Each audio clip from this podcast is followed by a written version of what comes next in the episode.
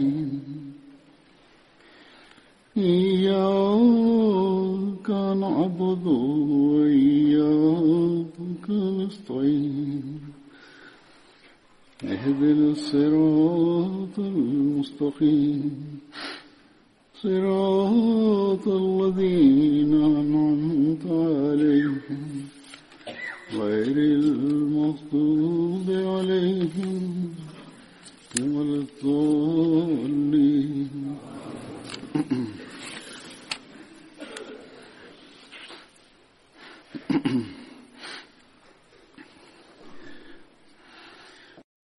Bismillahirrahmanirrahim. Hazur kaže ovih dana dan muslima da se održava u džematu, to jeste govori o predskazanju u kojem je svemogući Allah dao radosne vijesti obećanom Mesijali i salamu u vezi obećanog sina. Allah je objavio u tom predskazanju da će taj sin posjedovati specijalne kvalitete i on je će biti istiniti sluga njegovoj vjeri i bit će i dugo će da živi i nastavit će misiju obećanog Mesija alaih salama. Ovo predskazanje je objavljeno 20. februara 1886. godine i ovo predskazanje je veliki dokaz istinitosti obećanog Mesija salama i da je Allahova pomoć bila uz njega. Tako u to u tom vremenskom periodu koji je spomenut, ovaj sin se rodio 12. januara 1889. godine. Njegovo ime je bilo Mirza Bašrudin Mahmud Ahmed, o kojem je uzvišeni Allah kojem je uzvišeni Allah podario ogrtač hilafeta poslije smrti Hazreti Halifatul Mesih prvog radijalahu anhu. Azur kaže, spomenuću ću događaj u vezi njegovog života i kako je uzvišeni Allah ispunio ovo predskazanje. Ovo predskazanje nije bilo samo u vezi rođenja obećanog sina. Radije bilo je u vezi izvanrednog sina koji će postaviti temelj duhovne revolucije u svijetu. Kao što sam spomenuo, ja ću da predstavim odgovor obećanog Mesija alaih salama njegovim kritičarima i ovo može da se istinski razumije iz njegovog pisanja. Obećani Mesija salam govori osoba treba da analizira da ovo nije samo predskazanje u vezi rođenja običnog si, obećanog sina, ovo je predskazanje od uzvišenog Allaha kao dokaz o istinitosti našeg blagoslovljenog časnog poslanika sallallahu alejhi ve Istina je da je ovaj znak mnogo puta veći i istinitiji od onih o kojima govore da vraćaju mrtve u život. Realnost da se mrtvi oživi jeste da se moli za to da se duša vrati nazad. Ovakvo oživljenje mrtvih je pripisano Mesiji i još nekim poslanicima iz Biblije u vezi čega kritičari imaju puno toga da kažu. Osim ovih dokaza iz teksta i nekih komentara, činjenica je da ovi mrtvi mogu biti oživljeni nekoliko minuta i onda bi opet odselili s ovog svijeta i njeni voljeni bi opet morali da tuguju još jednom. Duša koja se vrati na svijet niti će dati sebi neki mir, niti svijetu, niti svojim voljenim.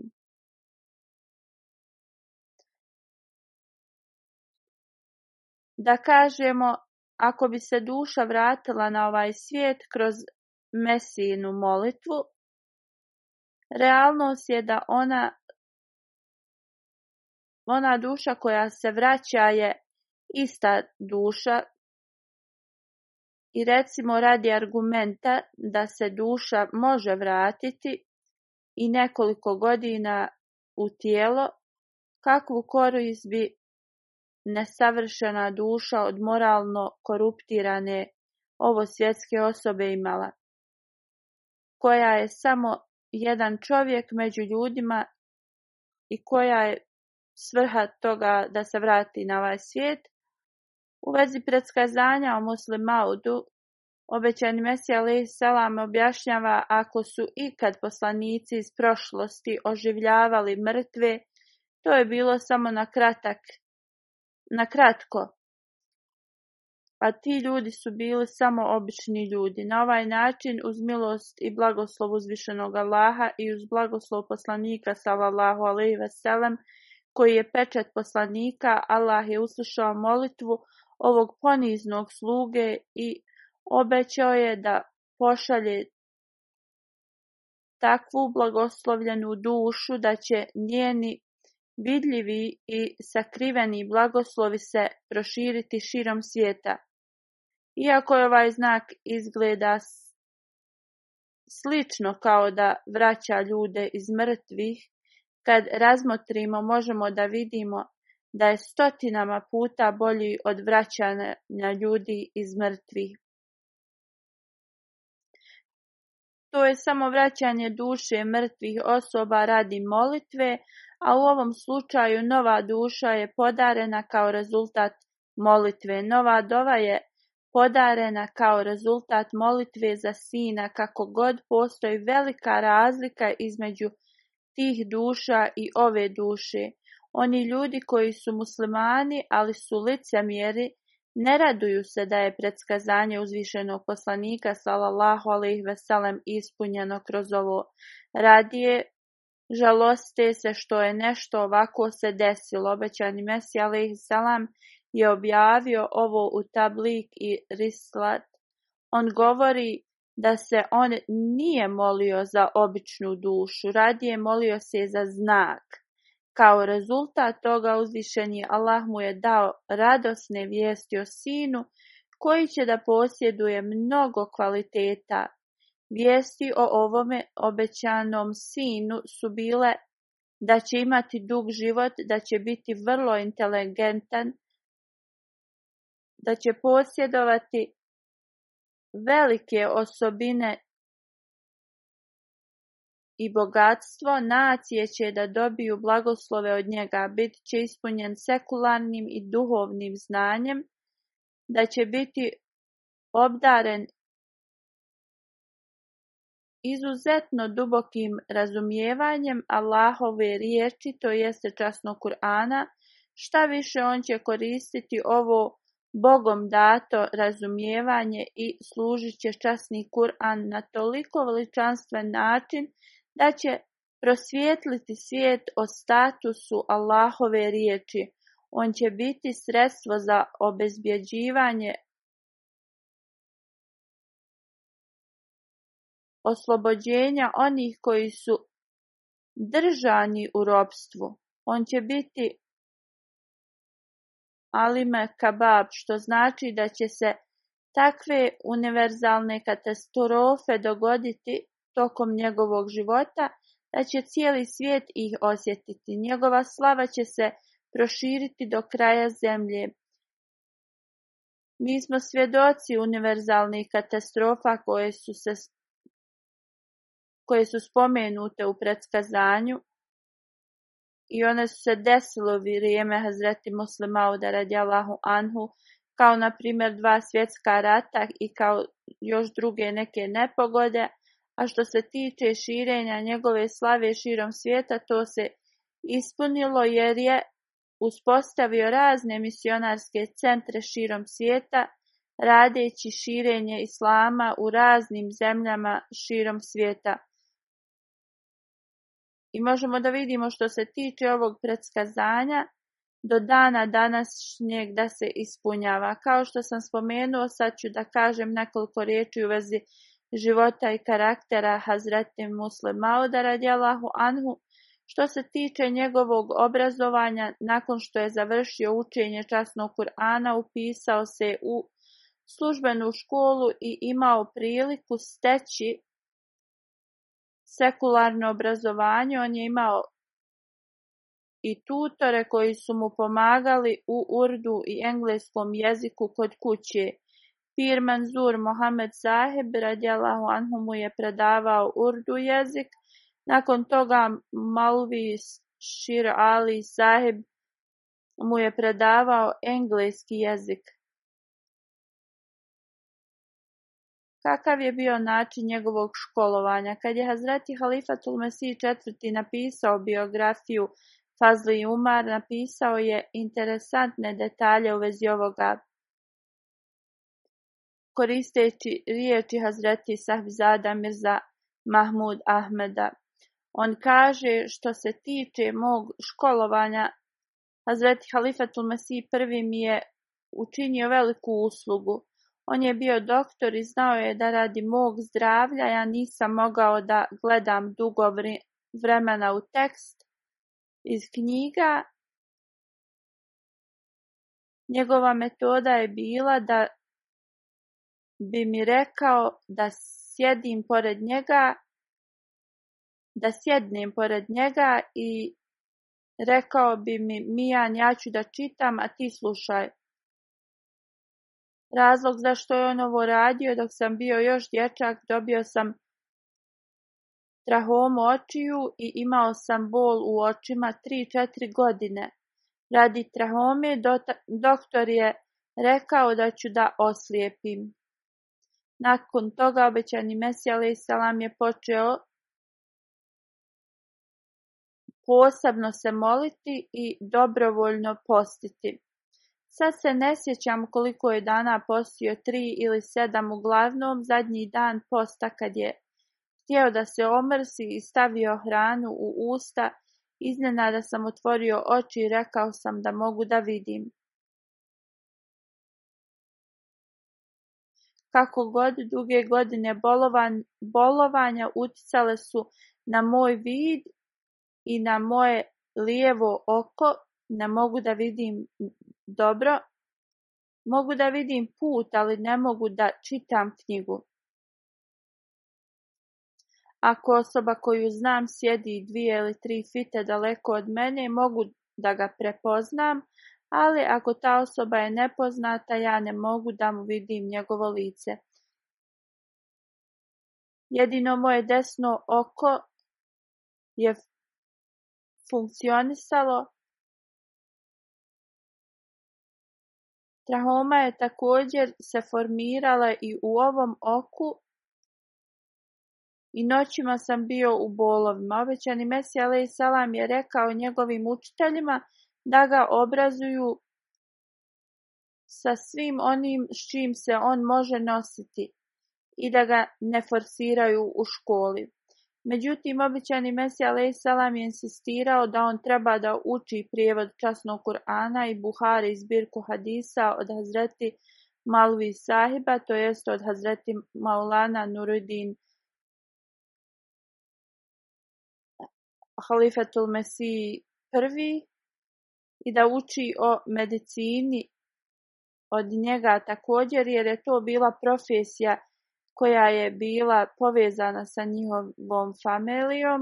Gospodin Fakirullah je bio učitelj u našoj školi, on govori, pisao bi po tabli tako da bi objašnjavao učenicima, kako god ja nisam mogao da pročitam jer nisam dobro vidio, on nam je predavao matematiku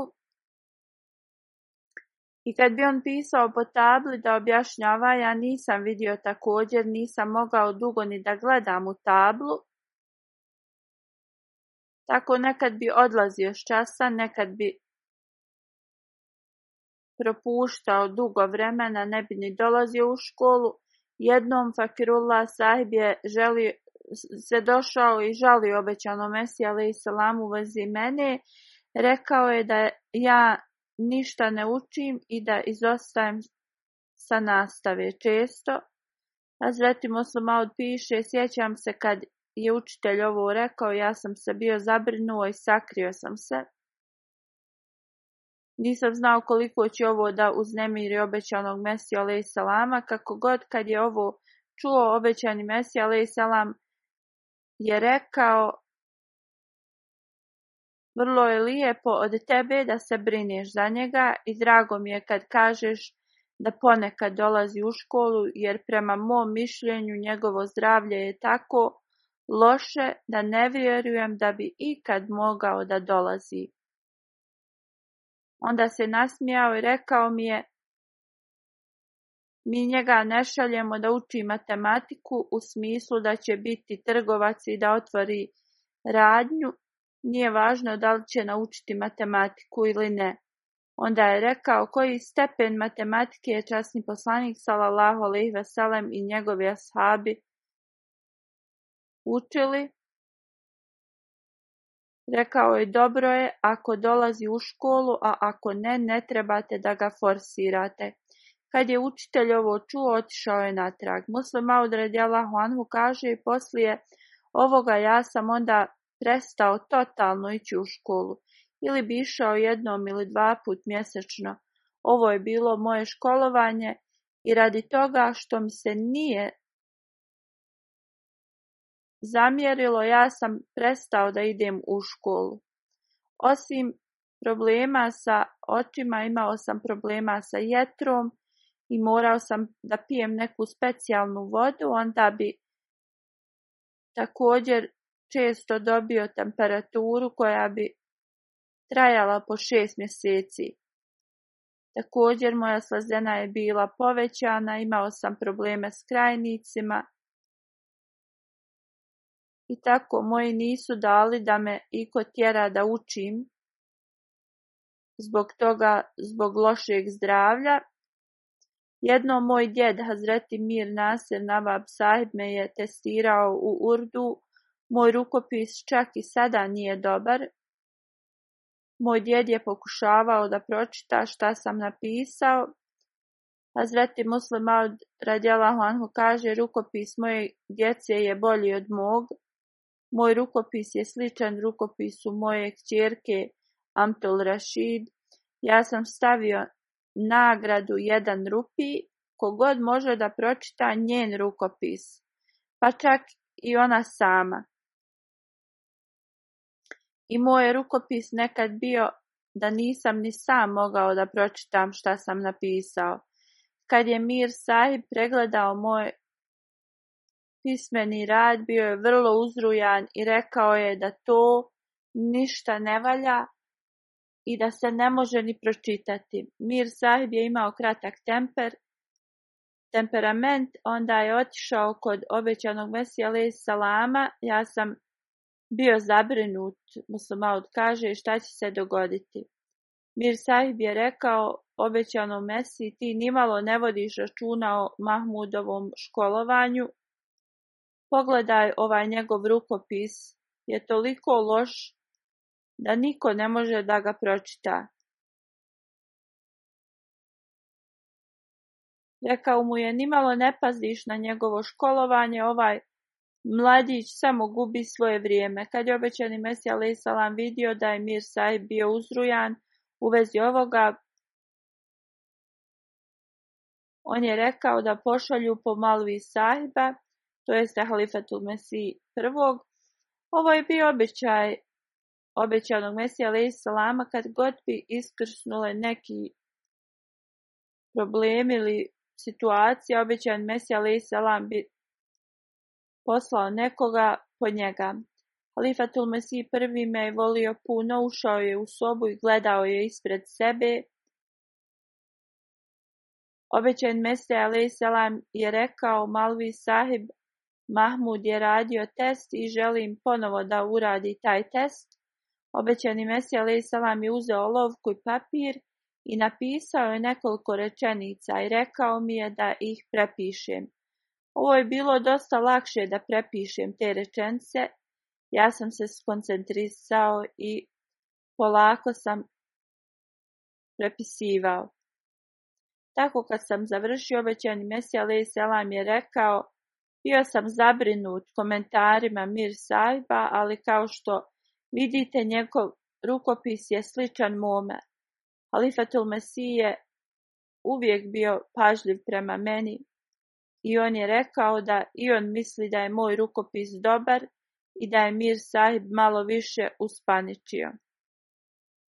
Hazreti Halifatul Mesih prvi radijalahu Anhu također je pružio veliku podršku i rekao mi je Mijan, tvoje zdravlje nije dovoljno dobro da možeš da učiš sam. Dođi kod mene, ja ću da čitam, a ti slušaj. On je naporno radio na ovom i prvo me je učio Kur'anu, pa onda Sahih Buhari. Halifatul Masih prvi je brzo učio Kur'an, sa mnom čitao bi arapski prijevod i samo bi zastajao kad su neki teški detalji u pitanju, da mi objasni. Naučio me je cijeli Kur'an za tri mjeseca i onda sam pauzirao. Poslije smrti obećanog Mesija alaih salama, Halifatul prvi mi je rekao trebamo da naučimo Sahih Buhari i ja sam mu rekao što je obećani Mesija alaih salam rekao dok je bio živ, a to je da naučim Kur'an i Sahih Buhari od Malvi sahiba. Bio sam to počeo da učim u toku života obećanog Mesija Salama, također je rekao da učim i medicinu od njega. Još jedan student i ja smo počeli da učimo medicinu na isti dan i postoji šala u našoj kući u vezi tog drugog studenta, da drugi dan je rekao svojoj majki samo dan poslije naše prve lekcije o medicini da ga probudi rano da ode u bolnicu prije halifatu Mesi prvog da on da dijagnozu i propiše lijekove pacijentima. Ukratko naučio sam komentar Kur'ana i o medicini od Halifatul Mesiji prvog i to me je podučio u roku dva mjeseca. On bi sjedio sa mnom, nekad bi učili jedan dio, nekad pola dijela i slično u roku dva, tri mjeseca me je naučio i sahi Buhari. Jednom je u mjesecu Ramazanu održao predavanje cijelog Kur'ana i ja sam na tom predavanju prisustvovao i pročitao sam neke magazine na arapskom jeziku od njega. I ovo je bilo moje školovanje, poslije ovoga svemogući Allah mi je pokazao san o mom intelektualnom napretku Njegovo sekularno obrazovanje je bilo minimalno, skoro ništa, njega je uzvišeni Allah podučio svemu. Njegovi govori, predavanja, pisanje i tumačenje časnog Kur'ana svjedoče o činjenici da ga je svemogući Allah podučio. To je veliki znak istinitosti ovog predskazanja. Hazreti Muslim Aud Allahu anhu je održao svoj prvi javni govor u toku života obećanog Mesija lej Salama na Dželsa Salani 1906. godine. Ovaj govor je bio široko prihvaćen na način na koji se sve događalo, on je postao potpuno ispunjenje ovog predskazanja. Jedan ashab obećanog Mesija Salama govori u vezi ovog njegovog govora Mahmud, sjajna zvijezda i dragi kamet poslanstva. Neka je blagoslovljen od uzvišenog Allaha, održao je govor u vezi širka, Slušao sam ovaj govor sa posebnom pažnjom. Njegov govor je bio kao okean znanja i rječitosti. U ovako mladim godinama da održi ovakav govor je pravo čudo. Moje mišljenje je da je i ovo dokaz istinotosti obećanog Mesija salama Obećani Mesija salam je vidio njegovu naklonost prema religiji i govorio je, toliko žara za religijom se može vidjeti u Mahmudu da je ponekad posebno se molio za njega. On se je zasigurno molio da uzvišeni Allah ispuni ovo predskazanje u njemu i da blagoslovi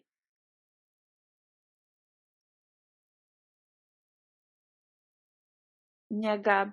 U biografiji koju je napisao Halifatul Mesih IV. on piše u vezi događaja poslije smrti Halifatul Mesih I.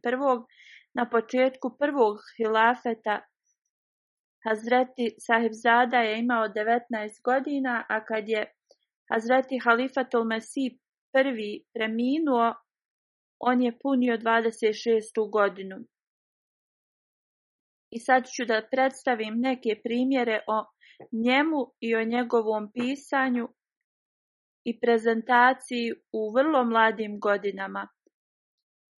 On je razvio svoje razmišljanje, i njegove riječi su imale utisak na slušaoce. Bile su pune iskrenosti, njegov govor je bio tečan, a pisanje nije imalo nikakvog pretvaranja. Riječi su bile kao rijeka koja teče puna znanja i razumijevanja o časnom Kur'anu.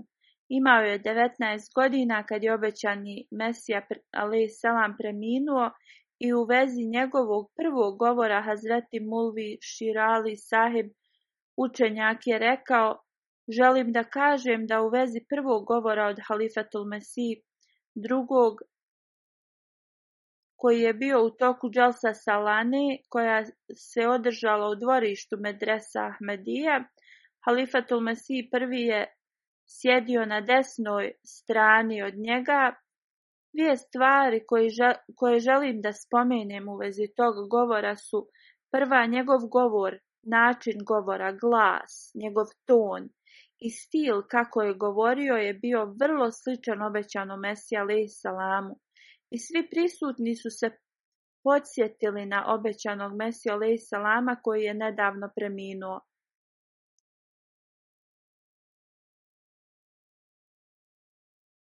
Ove riječi koje je izgovarao obećani sin, mnogi su bili puni emocija sa suzama u očima, isto su se osjećali kao da kad možemo kroz gramafon da čujemo osobu koja nije tu i prisutna i ovo je bilo kao da smo čuli obećanog Mesiju alaih salama, isto kao da je duh obećanog Mesije se spustio na njega i kao da je govorio ovo je moj dragi obećani sin kojeg je Allah podario meni iz njegove blagodati i u vezi kojeg je rečeno da će da bude sličan meni.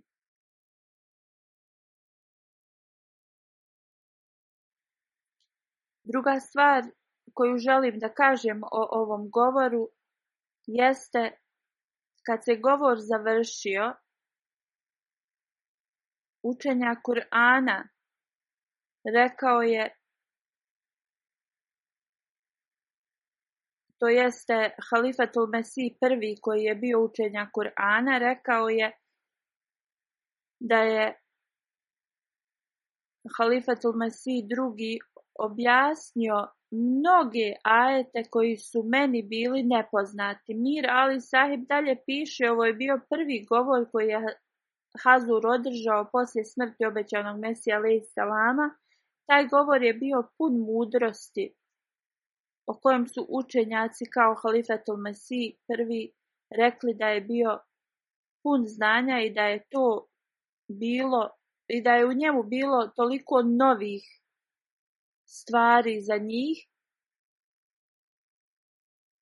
i ko je mogao da njemu da ovo znanje?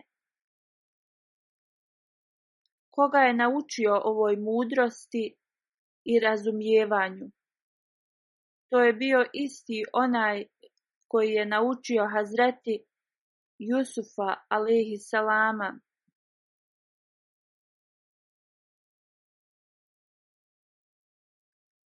أعوذ بالله من الشيطان الرجيم ولما بلغ أشده واستوى آتيناه حكما وعلما وكذلك نجزي المحسنين što znači a kad je on dostigao punu snagu i zrelost, mi smo mu dali mudrost i znanje. Ovako mi nagrađujemo dobročinitelje. Mulvi sahib govori, Hazur nije samo naveo obične riječi mudrosti, radije je naveo tajne mudrosti iz časnog Kur'ana. Uzvišeni Allah kaže u vezi časnog Kur'ana La jamsahu ilal mutaharun, što znači nekoga ne, nikoga neće dotaći osim onih koji su čisti, onda da izađe iz djetinstva kao što je njegovo i da održi ovakav govor možemo da vidimo da je uzvišeni Allah se pobrinuo za njegovo znanje i da je on jedan od onih koji su čisti čak i u djetinstvu. Neahmedi novinar piše u vezi njega u martu 1913. godine, koji se zvao Muhammed Aslam Saheb, on je otputovao u Kadijan i poslije nekoliko dana boravka tu dao je report u vezi muslimauda radijalahu anhu. Napisao je, vrlo sam impresioniran karakterom sahibzada sahibom i drago mi je što sam ga upoznao. On je vrlo prijatna osoba i osim toga ima veliko znanje i razumijevanje. Osim drugih tema mi smo razgovarali u vezi budućnosti o Indiji. Njegov pogled na tu situaciju je bio pun mudrosti i dobrog planiranja. Ovo se dogodilo u 1913. godini u vrijeme hilafeta prvog halife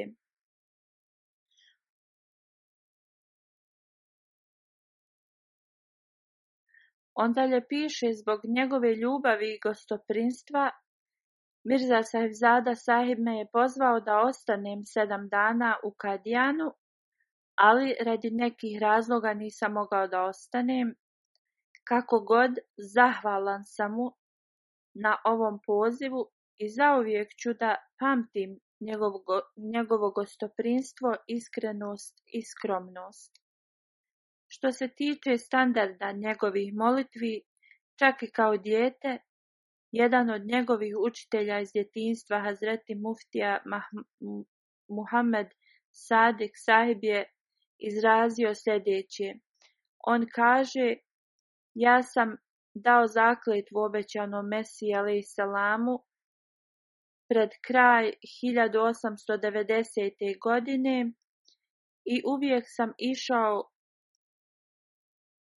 i dolazio u Kadijan, posmatrao sam Mirza Bašurudin Mahmud Ahmeda od njegovih malih nogu. I kao dijete bio je predan religiji i uz obećanog Mesiju ali salama često bi išao u džamiju i slušao je govore obećanog Mesije ali salama. Sjećam se da je jednom, kad je Mijan Mahmud imao oko deset godina, stajao je u namazu u džamiji Aksa uz obećanog Mesiju salama. I kad je pao na seždu, počeo je da plače. Od malih nogu imao je izuzetan odnos ljubavi prema Bogu i ljubavi prema njegovim poslanicima. Zatim slijedi još jedan incident koji pokazuje duboko stanje njegovih namaza i naviku da ostane na seđdi dugo vremena. Kad bi stariji ovo vidjeli, probudilo bi se u njima iznenađenje, jer on je bio dijete, šta njega može da muči da se budi po noći i klanja noćne namaze i da plače i moli Allaha, da bi njegova seđ, da bi njegova za namaz bila puna njegovih nevinih suza. U biografiji Halifatul Mesih četvrti piše šejk Gulam Ahmed Saheb se prisjećao, on je bio novi Ahmed i musliman, on se poboljšao toliko u svojoj vjeri da se smatrao osobom kojoj Allah daje razne znakove i on je bio poput svete osobe. On kaže, jednom sam odlučio da ću cijelu noć provesti sam u džami i tražiti od svog gospodara sve što želim da se, kad se osamim. Kad sam stigao u, džamiju vidio, u džamiju, vidio sam da je neko već pio tu na seđdi i da plaće s takvom mukom da se nisam mogao skoncentrisati na svoju vlastitu molitvu. Namaz te osobe imao je tako snažan utisak na mene da sam se počeo moliti o moj gospodaru šta god te ta osoba moli, podari mu to. Toliko sam dugo čekao da sam da se ova osoba digne sa svoje sežde da sam se umorio stojeći. Ne znam koliko je već bio tamo prije mog dolaska, ali kad je podigao glavu vidio sam da je to bio Mijan Mahmud Ahmed Sahib. Nazvao sam mu selam i rukovao sam se sa njim i pitao ga Mijan šta si danas tražio od Boga. Odgovorio mi je, ja sam samo molio Allaha da on preporodi islam pred mojim očima. Poslije ovoga je otišao. U tako mladim godinama imao je toliko duboku želju da vidi dan kad će islam podje, pobjediti. Uistinu plodovi ovoga su se desili, kao što je Allah mu podario ogrtač hilafeta u vrlo mladim godinama. Hazreti zada Mirza Mahmud Ahmed Sahib je spomenuo njegovu molitvu koju je objavio u Tašizul Azham 1909. godine. Napisao je članak o blagoslovima Ramazana. On kaže, tražio sam neki članak koji sam napisao da objavim u novinama i onda sam ugledao na svom stolu dovu koju sam napisao prije godinu dana u toku Ramazana.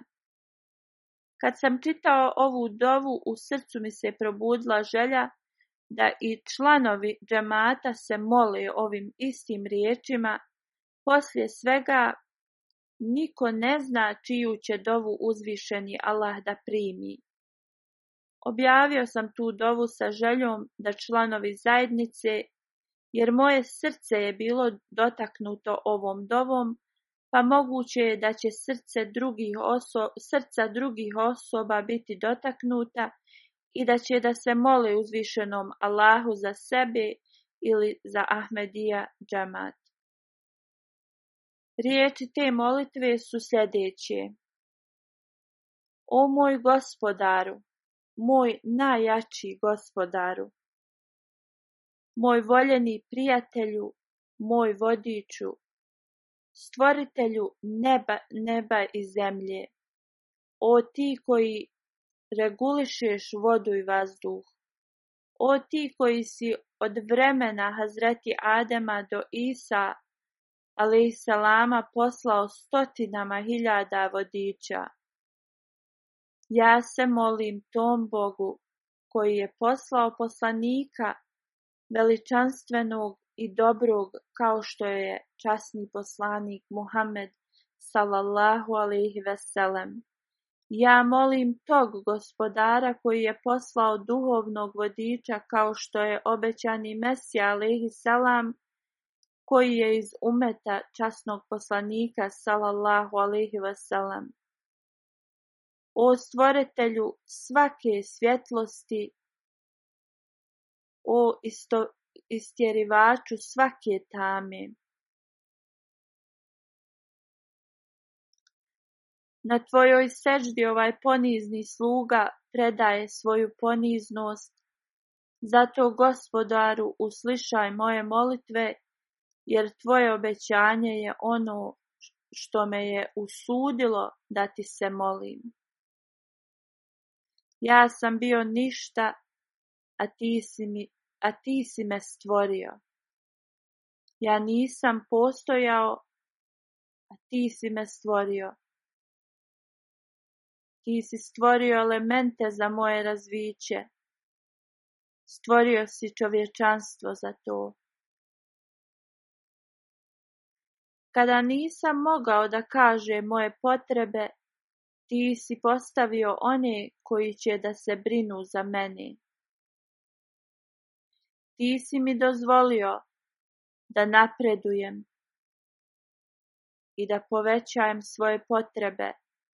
O ti koji si moj život, da, ti koji si moj život. ti si postavio Adema kao mog oca i Havu kao moju majku i od svojih sluga izabrao si me, na kojeg si gledao sa časti. Ja sam bio grešnik i ti si sakrio moje grijehe. Ja sam radio loše, a ti si mi oprostio. U svim poteškoćama si stajao pored meni.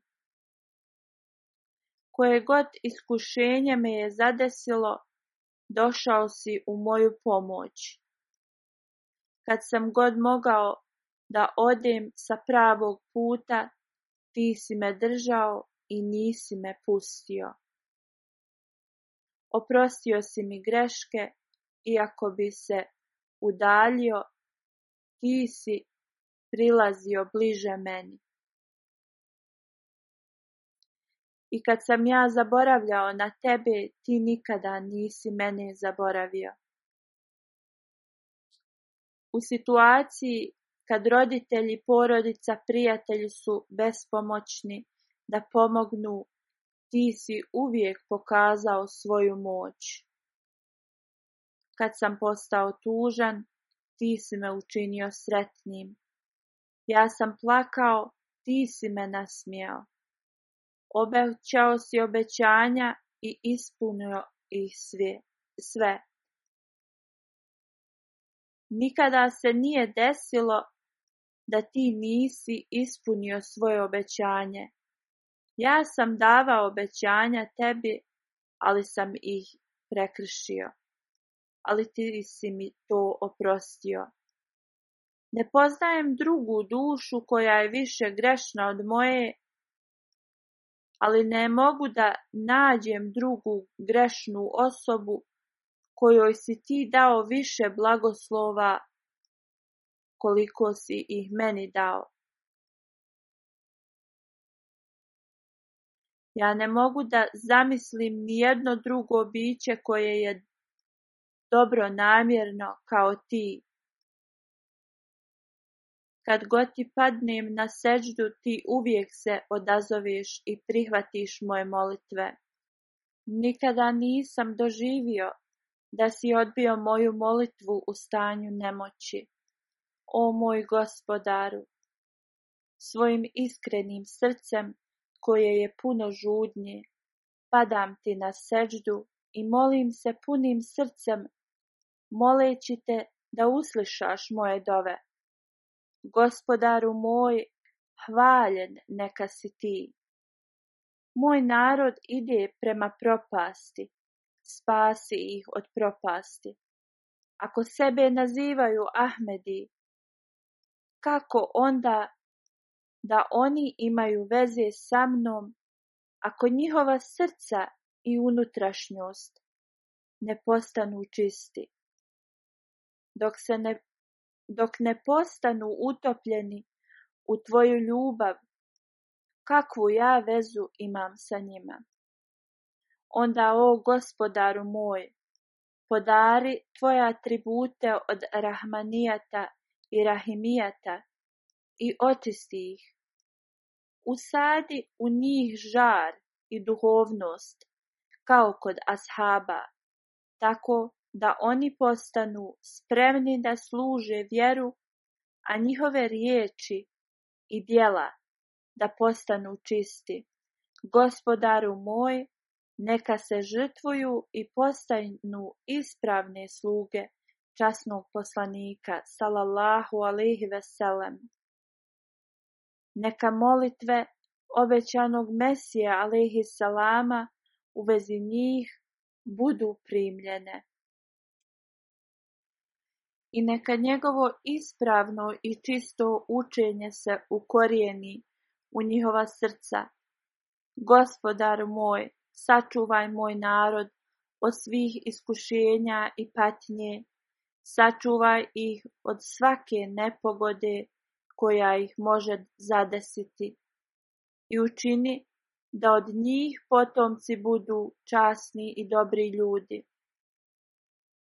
Neka postanu nacija sa kojom si ti zadovoljan. I neka postanu zajednica koju si ti izabrao za sebe. Neka budu zaštićeni od šetanskih uticaja i neka se meleci uvijek spuštaju na njih. Blagoslovi ovu zajednicu u ovosvjetskim potrebama i blagoslovi njihovu vjeru. Amin, gospodaru svih svjetova, amin. Hazur kaže, kao što sam spomenuo ranije, ova molitva je od 1909. godine kad je hilafet započet. U to vrijeme on je imao 20 godina. Kako god punim srcem je žudio da služi svoju vjeru i svoj narod. On je provodio dane i noći šireći religiju časnog poslanika sallallahu alejhi ve i misiju obećanog Mesija alejhi salama. On je ispunio njegovu zakletvu i vratio se svom gospodaru. Da sve mogući Allah nam pomogne da razumimo i da učimo njegovu dovu i da ispunimo dužnosti koje trebamo da ispunjavamo kao Ahmedi muslimani. Da nam Allah pomogne u ovome.